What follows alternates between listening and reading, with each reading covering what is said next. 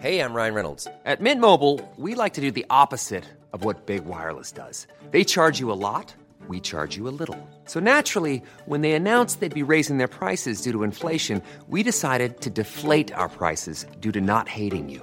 That's right. We're cutting the price of Mint Unlimited from $30 a month to just $15 a month. Give it a try at mintmobile.com slash switch. $45 upfront for three months plus taxes and fees. Promo rate for new customers for limited time. Unlimited more than 40 gigabytes per month. Slows. Full terms at mintmobile.com.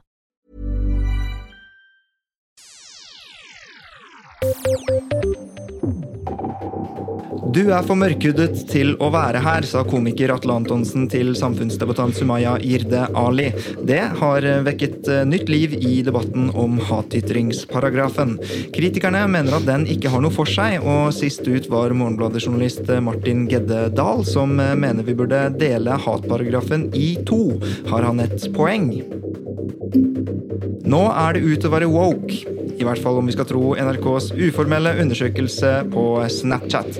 Tre av fire unge svarer der at de er lei folk som er woke, mot én av fire som mener at det å være woke, det er bra. Har woke-bevegelsen skutt seg selv i foten? Rett før jul kom sjokkbeskjeden til alle NRK-ansatte. Rundt 100 årsverk må kuttes, da Statskanalen mangler 300 millioner kroner til neste år. Og det vekker reaksjoner. Vil Norge bli et fattigere land med et svakere NRK?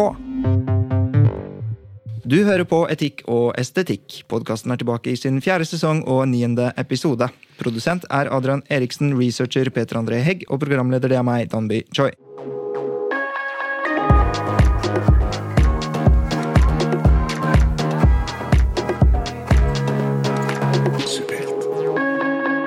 Med meg i studio har jeg politisk redaktør i VG, Hanne Skartveit.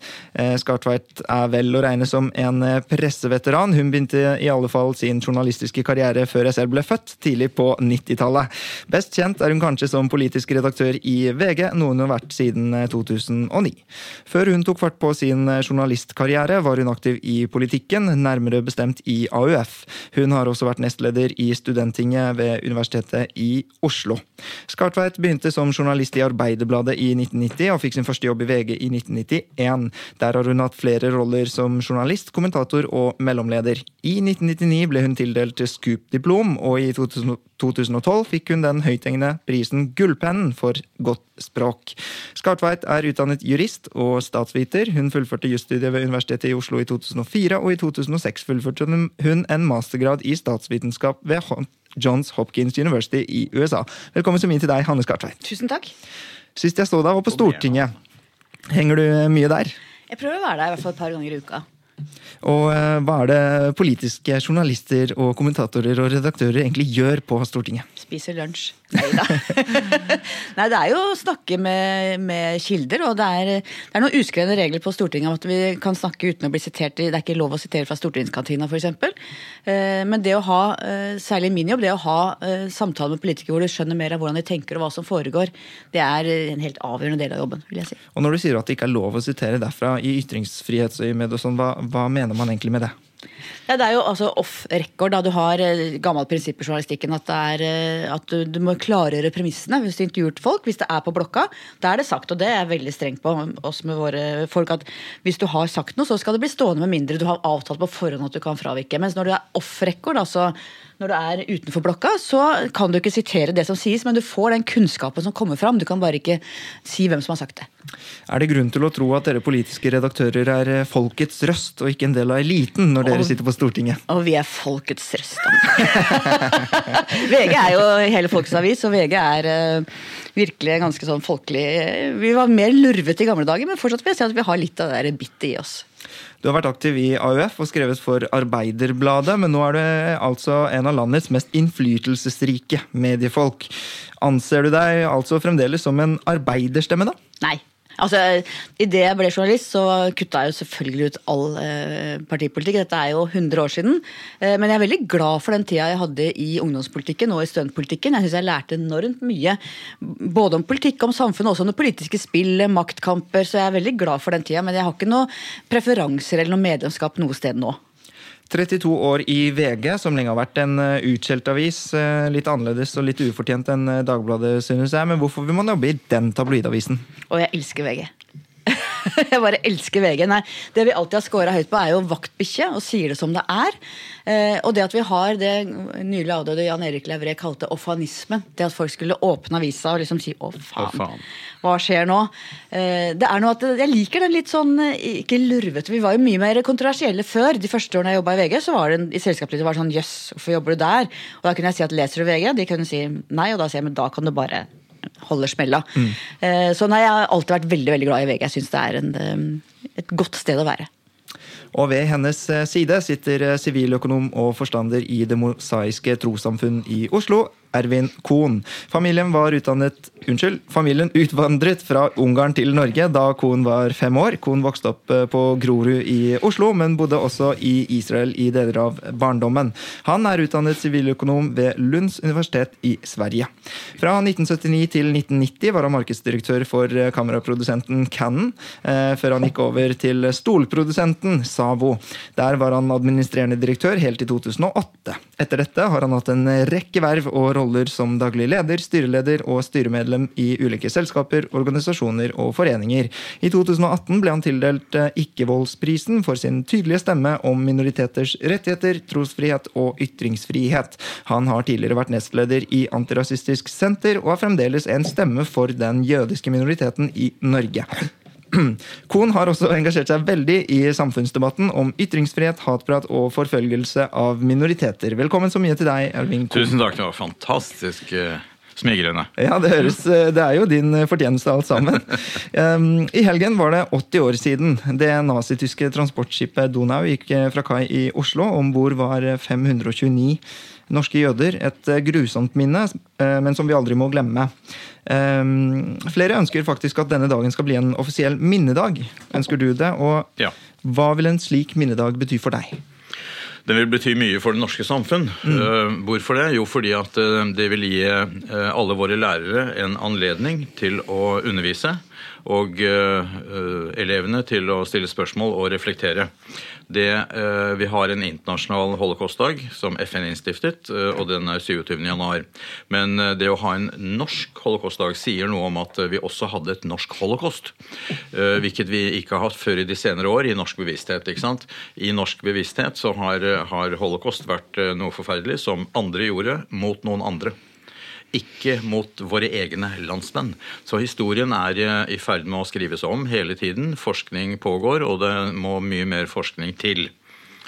Det var nydelig, nylig en utskifting i ledervervet på Antirasistisk Senter. Og da forrige leder gikk av, så det virket så rart. Hva var det som skjedde? Det vet jeg ikke. Jeg prøvde å lure deg ut på noe her. Med alderspensjon, så jeg er en lykkelig alderspensjonist i dag. Ja, Var det, var det noe ønske om å bli leder av Antirasistisk Senter? Ja, nei, nei, nei. nei. Eh, Men eh, hvordan ble du selv så opptatt av den antirasistiske kampen? Ja, Det var et, eh, et paradigmeskifte for meg da jeg sluttet i, i næringslivet. For jeg har vært i næringslivet hele min yrkeskarriere. Og, så fikk jeg vært åtte år i Antirasistisk Senter. Det har litt sammenheng med På hebraisk så er det noe som heter tikkun olam. Vi har en forpliktelse om å reparere verden, betyr det. Å reparere verden. Så jeg har vært opptatt av, av både individuelle, men ikke minst samfunnets moralske kompass. Ikke sant? Jeg vil kjempe for et, ikke bare et åpent samfunn, liberalt demokrati, men også et moralsk liberalt demokrati. Altså, det betyr altså hvorfor skal vi ta imot eh, Tibets uh, leder uh, gjennom hovedinngangen, ikke bare bakdøren på Stortinget. Ikke fordi vi har noen forpliktelser, men it's the right thing to do. Så eh, jeg ser på meg selv både som da vaktbikkje og kampen. Så jeg sier ifra når jeg ser eh, urett, og så i tillegg til det så engasjerer jeg meg og går på barrikadene, og er altså kampen også. Så eh, ikke bare stå på sidelinjen og fortelle andre hva de skal gjøre og ikke gjøre. Og det kan man altså gjøre som eh, nestleder som du tidligere var, eller er, i, var, var, ja. i Antirasistisk Ja. Senter. Men man Hva kan er, gjøre det, man har en stemme, ikke sant? ja. Ja. Hva er ståa for rasisme og antirasisme i Norge, syns du? Ja, altså Per i dag ja, ja, det er jo spørsmål som hele tiden er oppe i dagen. I hvert fall så, Men fortsatt så er det enkelte som stiller spørsmålet har vi rasisme i Norge. Og jeg trodde egentlig at vi var forbi den diskusjonen, og så heller diskutere hva gjør vi med det. For vi har altså dokumentasjon nok på at vi har rasisme i Norge. Og uh, Antirasistisk Senter gjorde en studie i 2017 som heter 'Jeg vil ikke leke med deg fordi du er for brun'. Og Den sier at eh, elever i norsk skole, dvs. Si ungdomsskole og videregående samlet, der opplever 25% hver fjerde elev opplever rasisme på regelmessig basis, dvs. Si to til tre ganger i måneden. Så ferdig snakka, vi har rasisme i Norge. Spørsmålet er hva skal vi gjøre med det? Jeg vil ikke leke med deg fordi du er for brun. Jeg trodde du skulle sitere Atle Antonsen. Det er i hvert fall tema for eh, første eh, spørsmålet ved første tema i dag.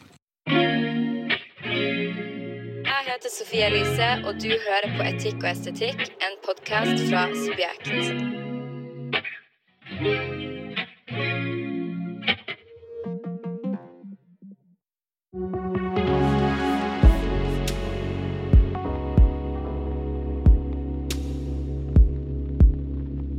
Du er for mørkhudet til å være her, sa komiker Atle Antonsen til samfunnsdebattant Sumaya Irde Ali. Det har vekket nytt liv i debatten om hatytringsparagrafen. Kritikerne mener at den ikke har noe for seg, og sist ut var Morgenbladet-journalist Martin Geddedal, som mener vi burde dele hatparagrafen i to. Har han et poeng, Hanne Skartveit? På om vi bør ha den, eller om vi bør dele den i to? Om vi bør eh, nyansere den, endre den. Ja. Hva mener du, Jørvin Kohn? Nei. Nei. Eh, og vi starter hos deg, eh, Hanne Skartveit. Hvorfor skal man endre noe i hatytringsparagrafen, synes du? Eh, Ytringsfrihetskommisjonen behandlet jo dette og sa at den trenger litt presisering. Både for at det er litt gammeldagse ord der, og også for at den er litt utydelig. Den er jo ment for å, å uttrykke rasisme eller hat mot grupper, altså hvordan det oppfattes i offentligheten blant tilhørerne rundt, mens, mens den på en måte noen ganger er blitt tolket som en, hvordan den rammer en enkeltperson. og Der har du også andre paragrafer som ivaretar det. Jeg mener absolutt vi skal ha en hatparagraf, men det skal være veldig veldig høy terskel for når noen skal eh, kunne dømmes etter den. Du har jo hensyn til ytringsfrihet versus hensyn til beskyttelse av eh, enkeltmennesker. så jeg mener nok at den bør endres, men ikke avskaffes. Og Det er jo nettopp det som gjør denne hatytringsparagrafen så omstridt, og en av de lovene som diskuteres mest her til lands. fordi at det, den inneholder flere ord, mener kritikerne, som er helt subjektivt betinget. F.eks. hat og diskriminering. Når er det liksom det blir hat? Eh, Ytringsfrihetskommisjonen har eh, foreslått noen endringer og peker da på ord som ringeakt osv. Men det er jo på en måte bare noen formuleringsendringer. Det er jo egentlig ikke så kontroversielt. Eh, hva, hva slags endringer er det du ønsker? Eh, jeg ønsker en presisering av, av hvor terskelen skal uh, ligge. Jeg mener den må mm. ligge veldig veldig høyt. For jeg mener at kampen mot rasisme og rasistiske ytringer må vi ta i hverdagen på andre arenaer hele tiden. Det er ikke primært en sak for rettsapparatet. Samtidig som noen ytringer kan være så grove og så hatefulle at de er utover det vi kan akseptere. Ja, uh, Ervin Kohn, kan vi ikke ta dette litt sånn på, gjennom sivil samfunnsdebatt og til og med kansellering av Atle Antonsen? Må dette være en sak for uh, rettsinstansene? Nei, det må det ikke. Og eh, jeg tror kanskje at eh, statsadvokaten som da henla saken, gjorde rett, men det, det vet jeg ikke. Men, men, eh, jeg sier at vi ikke behøver å dele paragrafen eller endre den vesentlig. Ytringsfrihetskommisjonen foreslår da litt sånn semantiske endringer. Jeg vet ikke om det er så nødvendig. Det som er viktigere altså la det være sagt, vi har forpliktelser til å ha en slik paragraf. Altså, Vi er forpliktet gjennom internasjonale avtaler å ha en slik paragraf. Ehm, I 1970 så ratifiserte vi ehm, FNs kommisjon konvensjon mot avskaffelse av all rasediskriminering. Ehm, noen, noen, tror at vi fikk eh, vår paragraf 135a, som var forløperen til, til 185, i 1970. Det er helt feil. Okay. Vi fikk vår første paragraf mot hatefulle ytringer i 1961. Og det var etter en eh, voldsom europeisk oppblomstring av nazisme, inklusiv i Norge. Hakekorskampanjen, et eller annet sånt ble den kalt. Ja, men det var en helt annen tid, og i det hele tatt så var dette sant, en paragraf som ble mm, designet for å ta liksom gruppehat. Riktig, og det var den i 1961 også, ja, ja. og det fortsatte den med 135A, og det er 185. Problemet det er hva er det påtalemyndigheten påtaler, og hva er det de ikke påtaler? Hva er det som kommer til domstolene? For det er domstolene som bestemmer. Og la det være sagt med en gang. Det å ha lover og regler er en en viktig del av et eh, demokrati og en rettsstat. Så det er helt åpenbart at vi må ha det. Eh, Forholdet til ytringsfriheten er viktig. Men vi har altså ingen friheter som er grenseløse.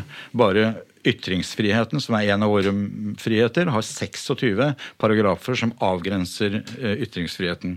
Det som er viktig, det er at eh, vi får gode, god rettspraksis. Og jeg har et problem på ett område, og det er hvor påtalemyndigheten har en viss berøringsangst, og det er antisemittisme. Det er altså ti saker som, som jeg har vært med å, å, å anmelde, som er blitt henlagt.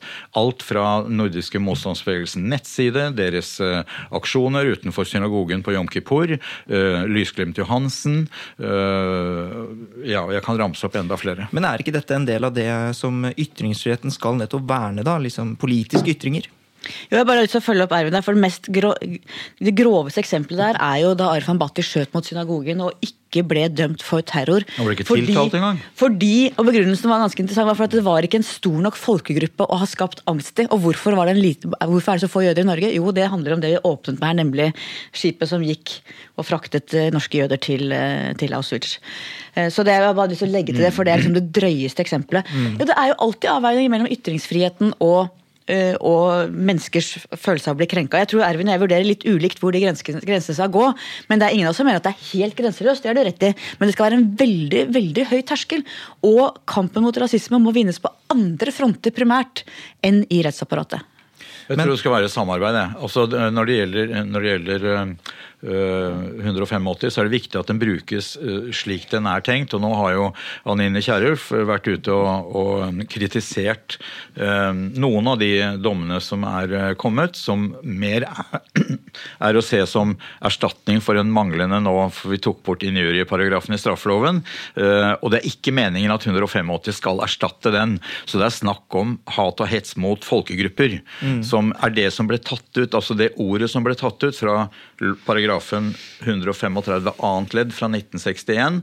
Det ordet folkegruppe ble tatt ut da vi fikk 135a i 1970. Men- det ordet er i tilsvarende lov i Sverige. Men det jeg syns er litt eh, paradoksalt da, med, med at eh, hatytringsparagrafen nettopp ble designet for å verne grupper, det er jo at hatytringsparagrafen da på en måte nærmer seg mer og mer det som er politiske budskap mot f.eks. grupper og ideologier og så videre. Hvor det, eh, syns ikke dere? Er det bare jeg som tenker Ja, det? det å kalle hatefulle budskap for politiske budskap er litt problematisk. Ja, ikke sant? Men det Ja. nærmer seg mer og mer det. Med, Ja. med en gang det er, altså Hvis det er mot enkeltpersoner, så ser man ingen Så er det lenger fra nytteverdi i ytringen.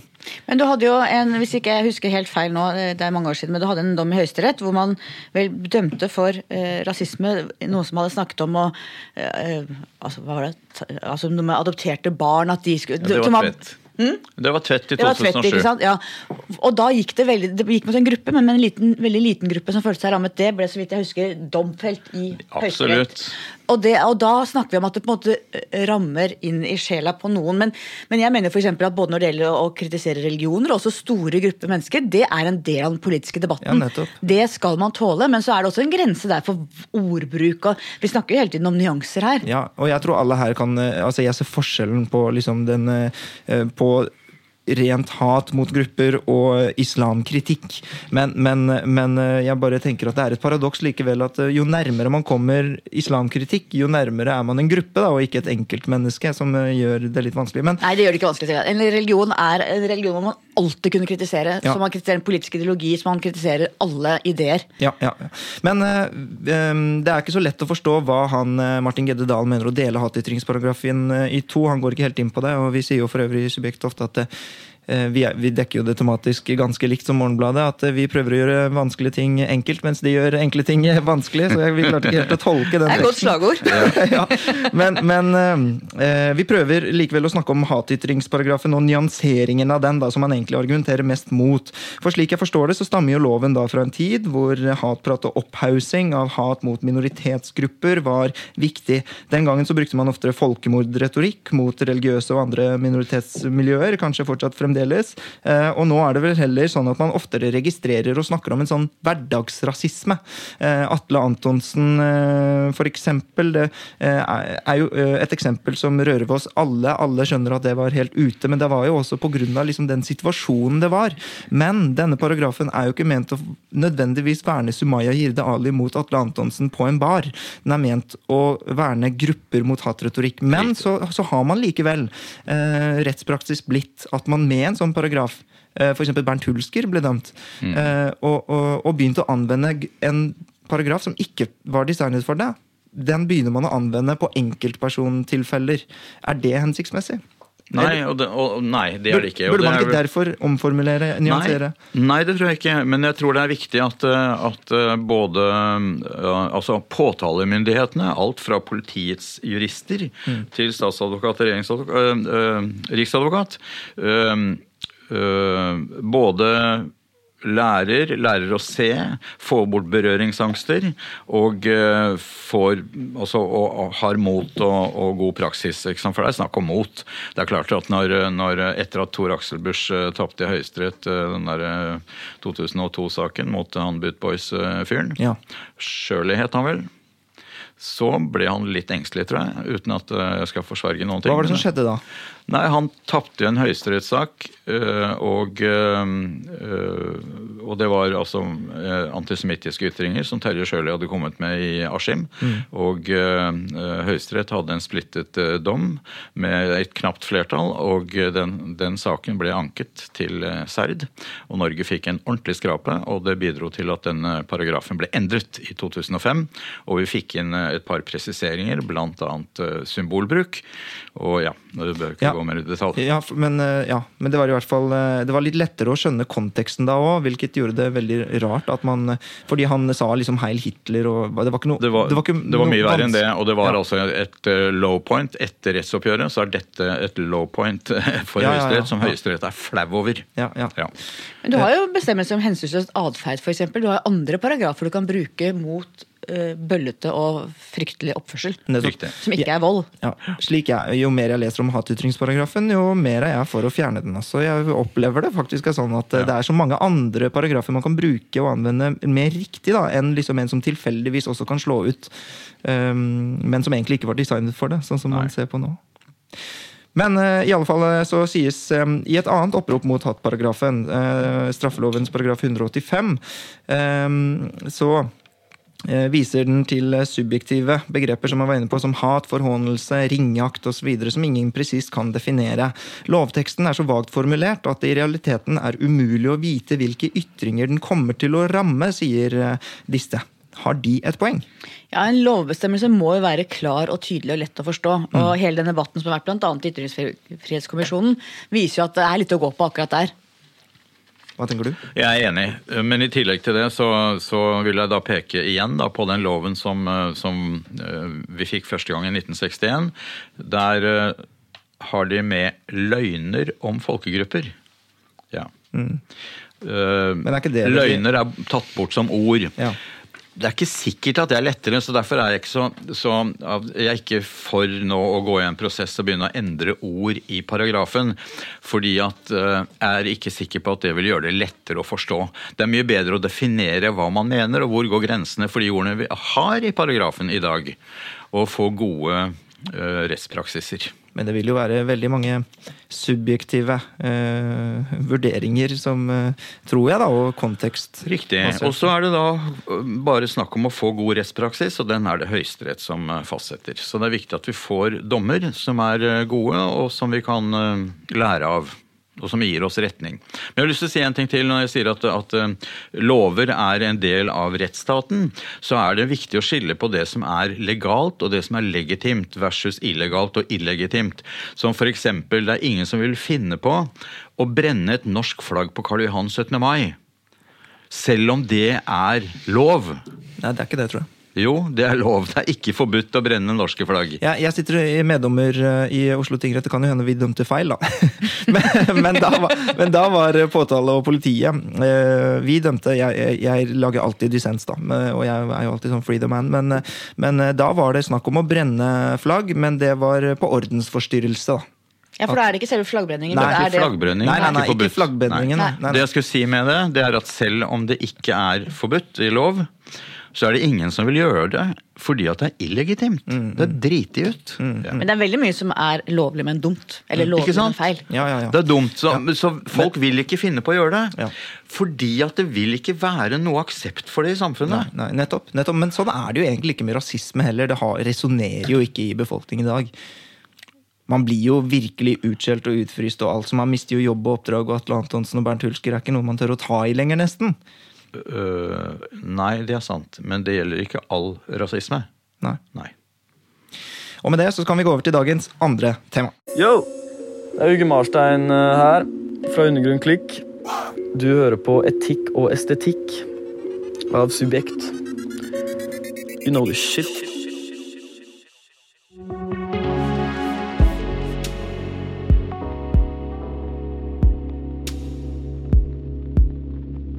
Nå er det ut å være woke, i hvert fall om vi skal tro NRKs uformelle undersøkelse på Snapchat. Tre av fire unge svarer at de er lei folk som er woke, mot én av fire som mener at det å være woke, det er bra.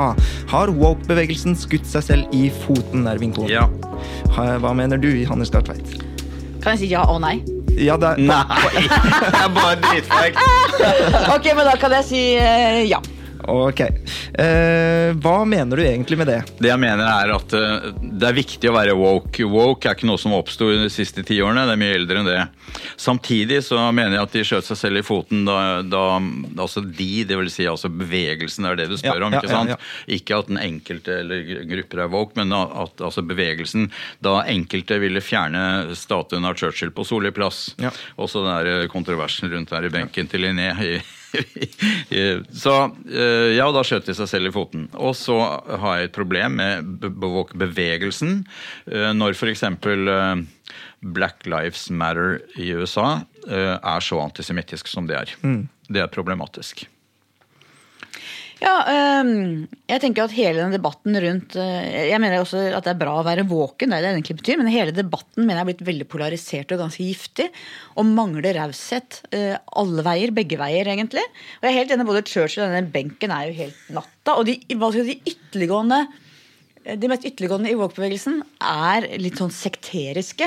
Samtidig som en del av det som er blitt karakterisert som woke i den norske samfunnsdebatten, er helt riktig. Og masse som man ikke som man sa før og ikke sier lenger, og som er helt riktig at vi ikke sier lenger. Forskjellige ord og folk som føler seg stigmatisert, enten det er skeive eller eh, folk med annen hudfarge. ikke sant? Det er, det er en del ting som man bare har slengt rundt seg i det norske samfunnet, og som har vært opplevd som vanskelig blant mottakerne, enten det er skeive eller hva det måtte være, som nå ikke lenger er lov å si. Og det er en bra side av den woke-bevegelsen. Mens den litt sånn snerpete, sekteriske, ingenting er lov, og du er et ondt menneske hvis du bruker feil ord, den er ikke bra. Ja, for det, Vi kan jo egentlig prøve å gå gjennom eh, woke-begrepets historie. Det begynte da på eh, tidlig 1900-tall. eh, Da Lead Belly, en amerikansk folkesanger og komponist, begynte å bruke det ordet ganske tidlig. og Det handlet om at man skulle stay woke, være årvåken mot rasisme. So far, so good. Selvfølgelig, det er et motiverende og støttende ord som afroamerikanere ga til hverandre. Ikke la deg diskriminere.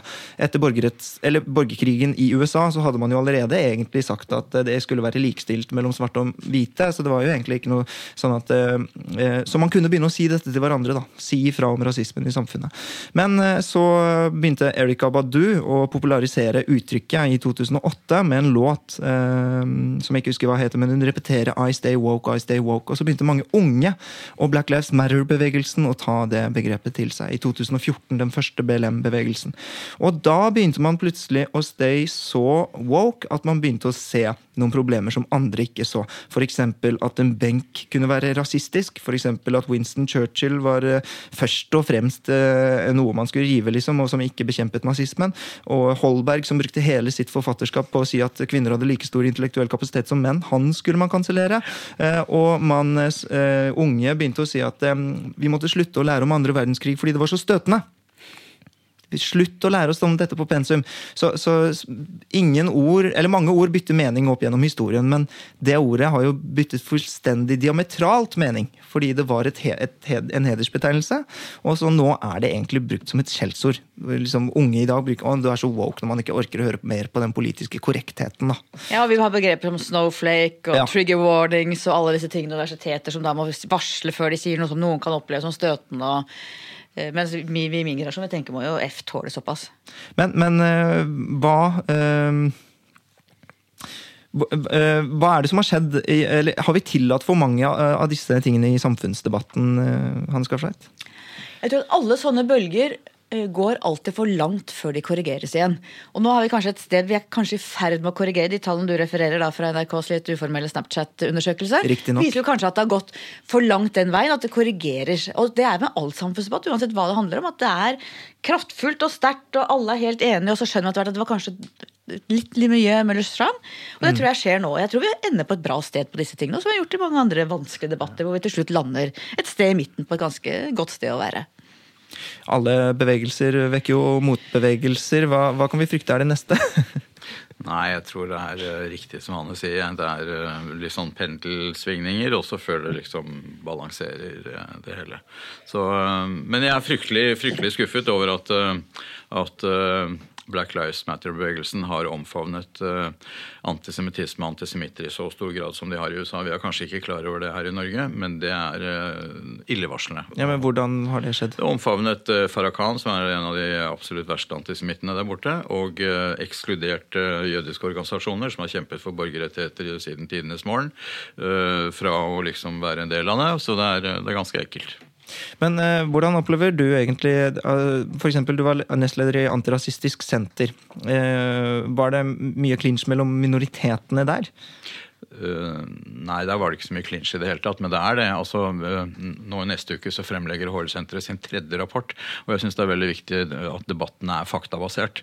Så det er ikke noe tvil om der at vi har altså muslimfiendtlighet i, i, eh, i dette landet som er på rundt over 30% 30% altså bærer på muslimfiendtlige holdninger. Men- Muslim eller islamfiendtlig? Nei, nei, jøde. Eh, Rolig nå. rolig nå. Vi tar dette en gang til. Det norske samfunnet bærer på muslimfiendtlige holdninger på 30 %-nivå. Tre av ti nordmenn har muslimfiendtlige holdninger, sier stadfester de undersøkelsene, både i, altså i 2017 og eh, nå den som kommer neste uke. Og HL-senteret legger dem frem? HL-senteret legger den frem til neste uke. Holocaust-senteret, for de som ikke er fortrolig med teknologien her. Det som er eh, tankevekkende, det er at øh, eh, fordommer og rasisme går ikke bare fra storsamfunnet og mot minoriteter, men minoritetene seg imellom har eh, masse rasisme å forholde seg til.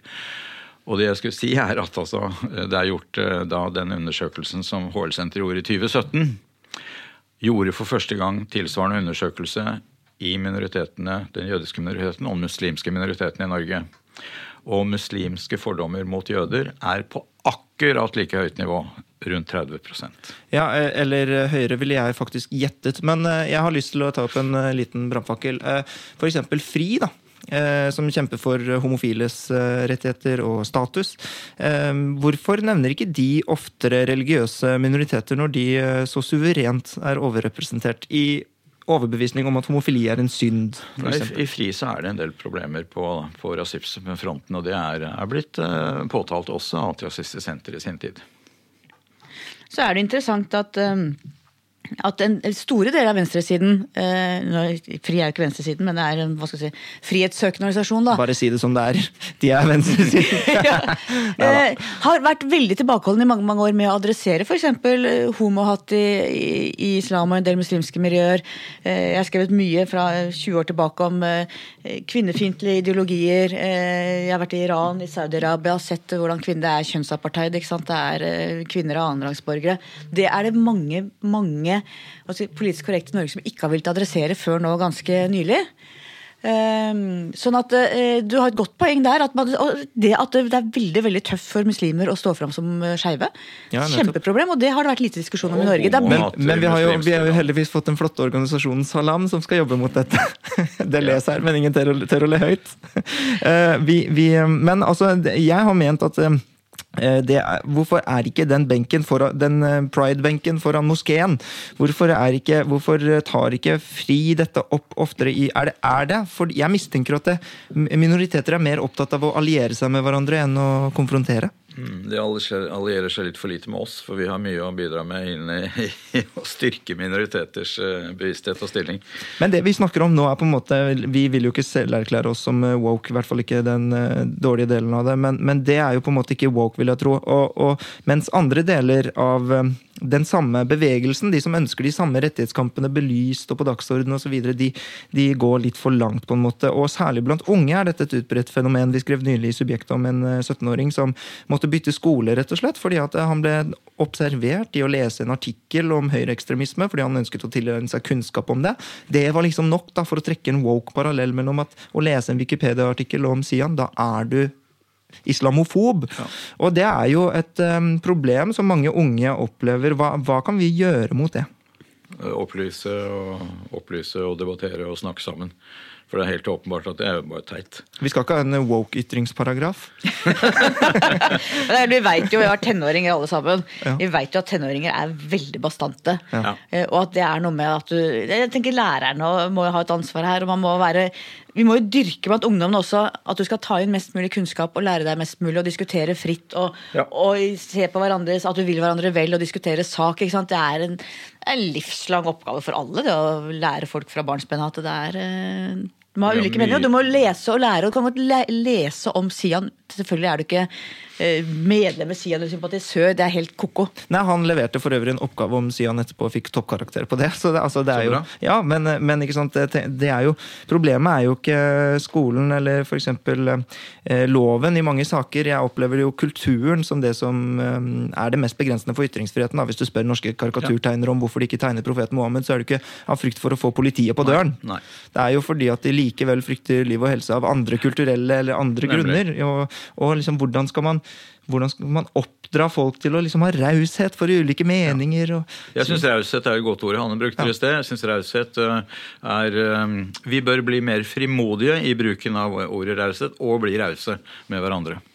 Så tror jeg det har skjedd mye siden karikaturstriden, som jo var helt forferdelig, hvor eh, den tidens regjering svikta eh, dramatisk. Jeg velger i hvert fall å tro at man ikke ville reagert på den måten fra våre myndigheter denne gangen. Hvis det hadde skjedd noe tilsvarende igjen. Nei, Vi ventet jo veldig på hva, hvordan Jonas Gahr Støre skulle formulere seg sist det var litt sånn karikaturstrid. Og det, var- det, var noe, det, var en, det var ikke noen beklagelse for den gangen. eh, Og det var heller ikke noe sånn overbevisende prinsipielt. eh, Men eh, igjen, kanskje det handler om at man ikke skal støtte Nei, det var mange som var feige akkurat da, ikke minst eh, pressen. Så de lot altså stakkars eh, magasinet Dagen ta all- all støyten.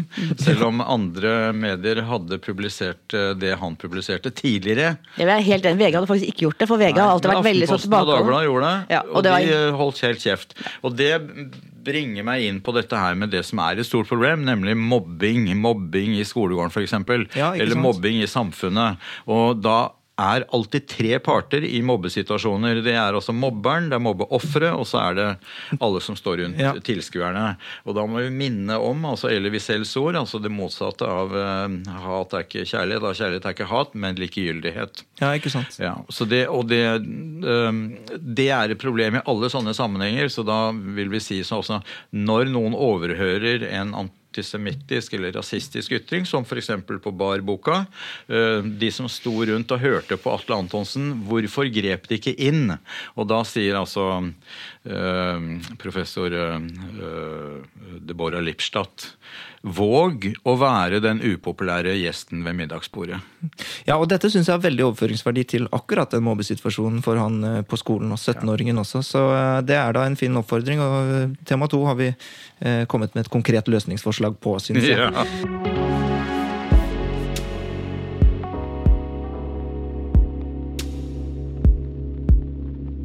Rett før jul kom sjokkbeskjeden til alle NRK-ansatte. Rundt 100 årsverk må kuttes, da statskanalen mangler 300 millioner kroner neste år.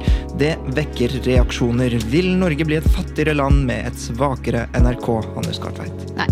Nei. Nei, begynner begge to. Først så reagerte jeg litt på at det mangler 300 millioner kroner neste år. Øh, og de skal kutte 100 ansatte. De får god lønn. Men men øh, hvorfor øh, mener du det, bortsett fra at Eller er, jeg vet hvorfor, fordi du jobber i VG. Nei, det er faktisk ikke derfor. Men jeg mener at altså, NRK er en enormt mektig medieaktør. De har altså over 6 milliarder kroner tror jeg, på bok hvert år før eh, året starter. Det er hvor mange er det? 3500 ansatte. Det er en kjempeorganisasjon. At de må ned 100 personer, det kan de fint klare. Vi andre medier over hele Norge har hatt store runder gjennom alle år med nedbemanninger, med innsparinger. Vi må tjene hver krone. Vi har et helt annet forhold til kostnader, en annen kostnadsbevissthet. Så at NRK må trimmes litt, det tror jeg ikke er noe problem. Det er en veldig viktig institusjon. Jeg si det. Jeg er veldig glad i NRK. De har et stort samfunnsoppdrag, men de har også, tror jeg, de har det romsligere enn de fleste, da.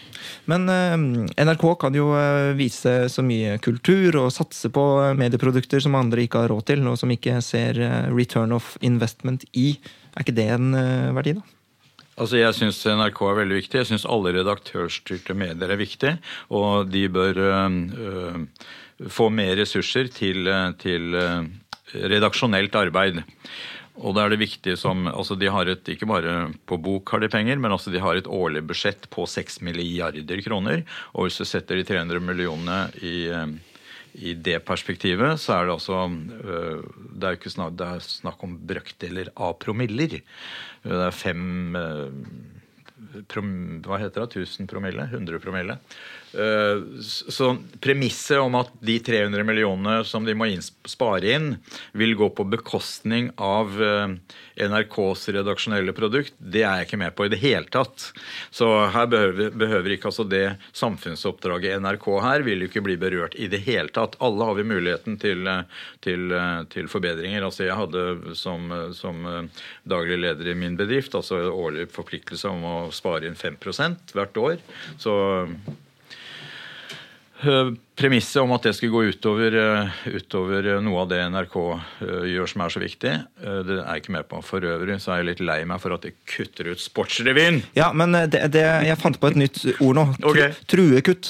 Og det føler jeg er sånn truekutt. Eh, Ja. Hvis dere kutter noe mer nå, så får dere vært Altså, Sportsrevyen ryker her. Vil dere se mer ryke, liksom? Er, er det ikke fint at vi har en konkurrent til VG som kan tilby leserne ikke minst åpent og tilgjengelig sportsstoff?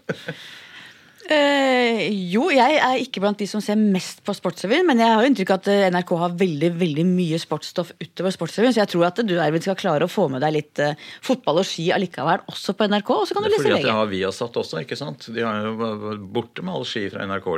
Ja, men Jeg driver jo et øh, privat øh, selskap selv, og jeg merker jo at det, det er dødsirriterende at øh, de for det første tar alle skribentene våre. De går liksom Talentfabrikken i Subjekt og lærer seg å bli anmeldere og eh, sånn. Og så går, blir de litteraturanmeldere i NRK som i tillegg anmelder de samme produktene som oss, men ikke må legge det bak betalingsmur. Og det er jo hårreisende at liksom staten skal komme inn på det private markedet og slåss med oss gründere. Det syns jo det. Men øh, 100 årsverk skal kuttes. Det er Vibeke Fürst Haugens svar på at de må øh, ned med 300 millioner kroner. Et kjapt regnestykke sier jo at de har øh, 3 millioner i årslønn, og det er vel ikke så enkelt, men, øh, men det er kanskje Nei, det er ikke så enkelt. Men det er nok fordi at de har så høy pensjon i NRK, vet du. Det hadde jeg Det er glemt. riktig. Nei da. Men, men men er ikke også Jeg har også, jeg husker fra Journalisterskolen at land med Det var en sånn parallell graf som viste at land med sterke statskanaler, de hadde også sterkt demokrati. Ja. Eh, og, og hvordan har det seg egentlig? Eh, fordi at på, på, på den andre siden så er jo på en måte Putin også et land med sterke statskanaler, for Ja. å si det sånn. Ja, nå, jeg- nå ble jeg nesten inspirert til å holde en liten sånn tale om pressens betydning i et fritt demokrati. Kjør!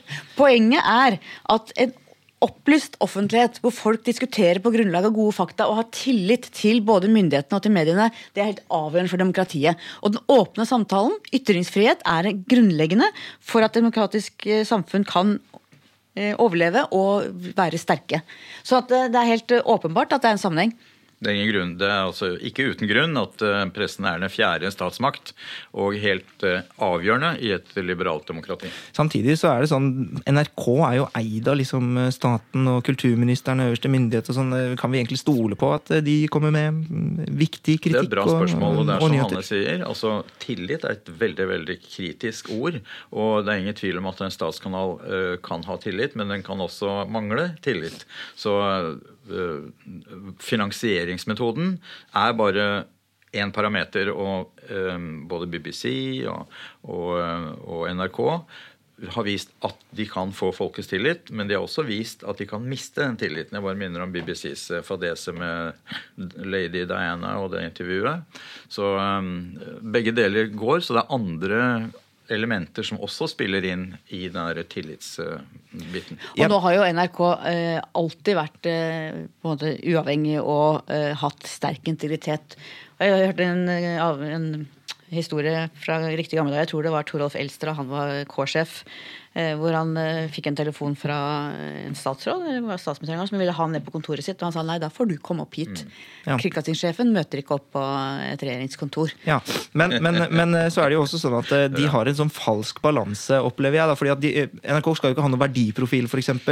Så de bare er, Hvor mange stemmer på hva, og disse partiene skal derfor få oppmerksomhet pga. det, og ikke pga. at man syns det er viktig. eller Det, kommer med noe. det er ikke nyhetskriteriene da, som driver journalistikken der. Er ikke det litt rart? Jo, altså? det er jo nyhetskriteriene som driver journalistikken. Men de har jo også et ansvar for eksempel i partilederdebatter i valgkampen, sånn at alle partiene må være representert og sånn. Men jeg vil jo absolutt si at det er nyhetskriteriene som, eh, som driver dem òg.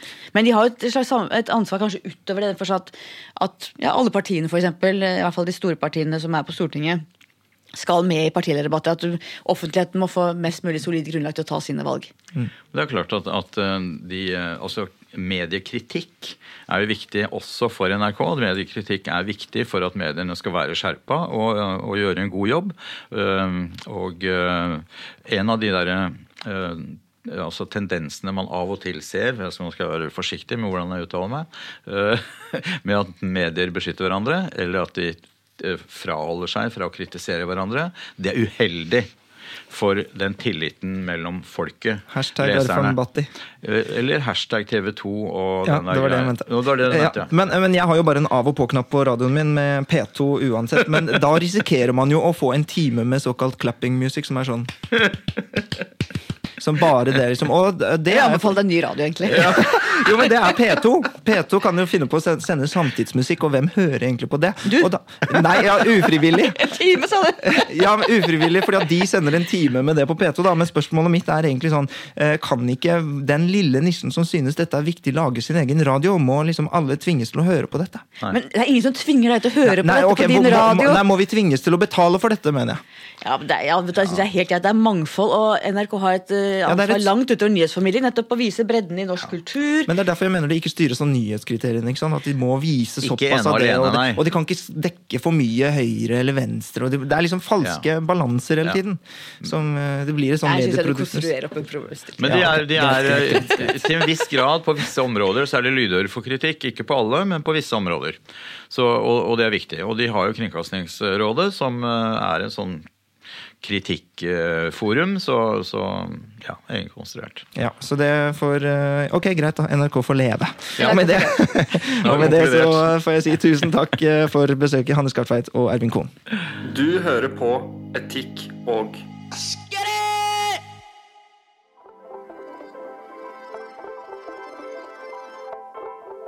Tusen takk til eh, gjestene som nok en gang bidrar med kunnskap og eh, klokskap til eh, subjekt og eh, etikk og estetikk. Vi er tilbake om en uke med nokså stjernespekket gjesteliste da også, og for øvrig som vanlig. Vi håper at du kan følge oss der hvor det er relevant. På Facebook så har vi også en egen Facebook-gruppe som heter Etikk og estetikk. Der diskuterer vi samtaleemner som er relevant for podkasten, rett og slett. Eh, og for eh, subjekt, eh, selvfølgelig. Det er også veldig hyggelig om du kan legge igjen en sånn stjernerangering på Apple Podkaster, om det er der du hører på oss, eller anbefaler anbefale podkasten videre til den du ønsker å gjøre det til. Ellers så har jeg lyst til å si tusen takk til Fritt Ord, som siden start har støttet Subjekt, men også podkasten Etikk og estetikk, og spesielt sesong fire.